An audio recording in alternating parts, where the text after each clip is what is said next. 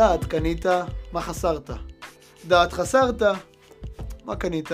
חז"ל נותנים פה נקודה חזקה לפיתוח הנפש. חבר'ה, יש פה מים קרים לנפש עייפה. מי שלוקח את התוכן הזה יכול להכניס תשוקה בכל תחום בעסק שלו, יכול להתקדם חזק. ברגע שבן אדם אין לו את היכולת להיות בדעת, מה זה דעת? לחבר בין טוב ורע, להתחבר עם המציאות וליהנות ממנה, להעריך את הקיים, אין לו כלום. ברגע שיש לו את זה, יש לו הכל. הכל כבר נפתח לו. ויש לנו בעצם ארבע דברים שהם האפשרות להגיע לדעת או חלילה לאבד את הדעת. הדברים האלה זה בעצם ארבע תאוות שרבי נחמן מבהיר שהם הארבע חולאים העיקריים של האדם, שאם הוא יודע לפתור אותו בהם, הוא יכול להתקדם. בשום מקום בעולם, גם אני כבן אדם שחוזר בתשובה, לא היה לי שום מסגרת שום מקום שהמדינה נותנת לי, שום בית ספר, שום דבר, שום קורס שיודע ללמד אותי את שרירי הנפש האלה, שאני יכול להתקדם איתם ולשפר את החיים שלי, שאני יכול לשמוח ממכירות, ולא רק ברגע שיש מכירה, אלא גם שאמרו לי לא, ואני יכול ללכת לעוד פעם ועוד פעם ועוד פעם ולא להתייאש ולהיות בהתמדה חזקה כנפש חזקה. שום מקום לא לימדו אותי.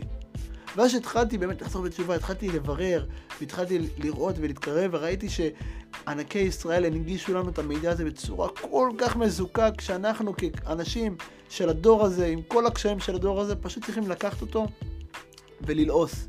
זה אפילו כבר לעוס, לבלוע. אבל לבלוע, כי אם אנחנו לא נשתמש בזה, פשוט זה מתפרפס. ומה זה הארבע דברים האלה? הדבר הראשון זה בעצם ארבע תאוות, ארבע רצונות שהם מעבר למידה שלהם.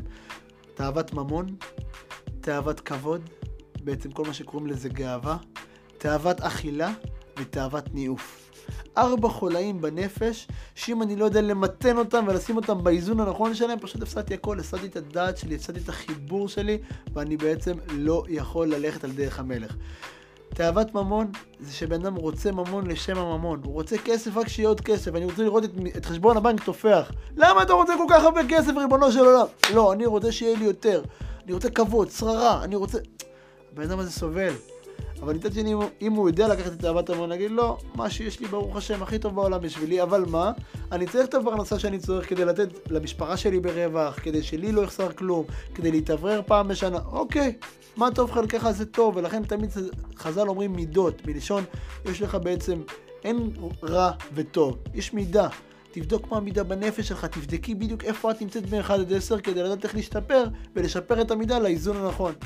אותו דבר תאוות כבוד, אם בכל מקום שאני מגיע, מה, למה לא אמרו אני, למה לא קראו לי, למה לא אמרו בשמי, הזמינו אותי לחופה, בסוף לא בירכתי, אמרו לי ככה, בסוף לא עשיתי, מה... אז בעצם אנחנו מבינים שבן אדם שיש לו את התאווה הזאת, תמיד הוא לא מרוצה. הוא לא יודע להגיד, לא, זה, זה, זה המידה שלי, זה מה שקיבלתי, אין פה מקרה. יש פה באמת השם רקם, זה קיבלתי פה מתנה, יש פה השגחה פרטית, משגיחים עליי שאני אעבור את המסלול הכי טוב לנשמה שלי, כי זה בדיוק מה שאני צריך לקבל. ואז הוא, הוא כן רוצה את הכבוד העצמי שלו, את אותו כבן אדם מכובד מכוח הייחוס שלו, מכוח הנשמה שבו, אבל הוא לא רוצה את הכבוד להתנסות על האחר. תאוות ניאוף.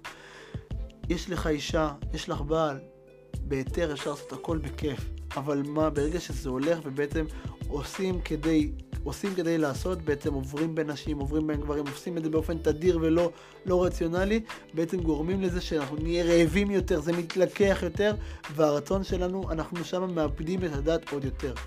ותאווה האחרונה היא תאוות אכילה, שזה דרך אגב התאווה הראשונה שהפילה את כל העולם, שחווה כל כך רצה לאכול את התפוח, היה לה איזה תאווה, איזה אש מתלקחת, זה גרם בעצם לנפילה הזאת.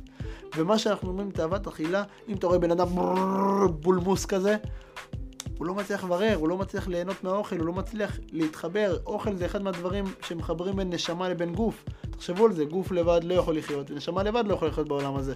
ואוכל מחבר ביניהם.